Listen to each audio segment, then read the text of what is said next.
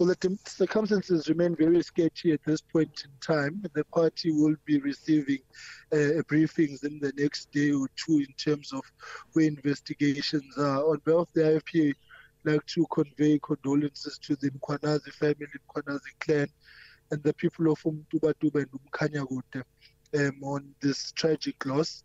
And we condemn it in the strongest possible terms, and it feeds into the concerning situation um, which is arising in the province um, of political violence.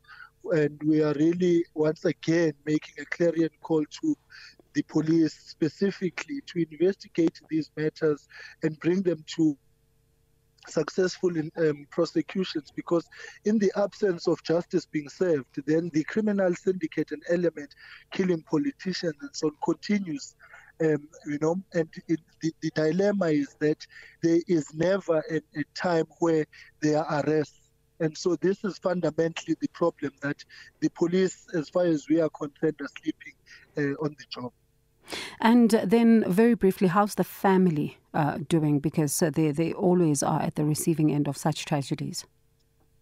The latest uh, conversations which I've had with the family, of course, they are still in shock. Um, Innocent was a very young uh, person and he had a full life ahead of him and had dedicated it uh, to service uh, of the people. And so they are still reeling in shock. And I think the comfort that they are really looking for is justice.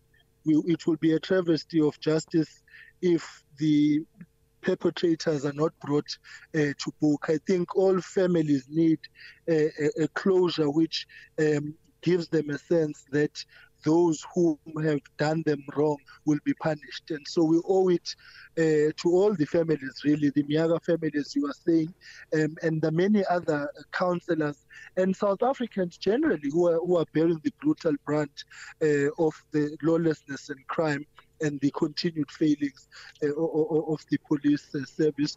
We are in communication with the family and so once details have been finalized uh, they will be communicated but at this point in time right. really they're in a state of shock and disbelief Thank you so much, Mkhuleko, um, for your time. Do appreciate it. That was uh, IFP spokesperson Mkhuleko Hlengwa giving us an update on the killing of uh, that IFP councillor in KwaZulu-Natal yesterday. That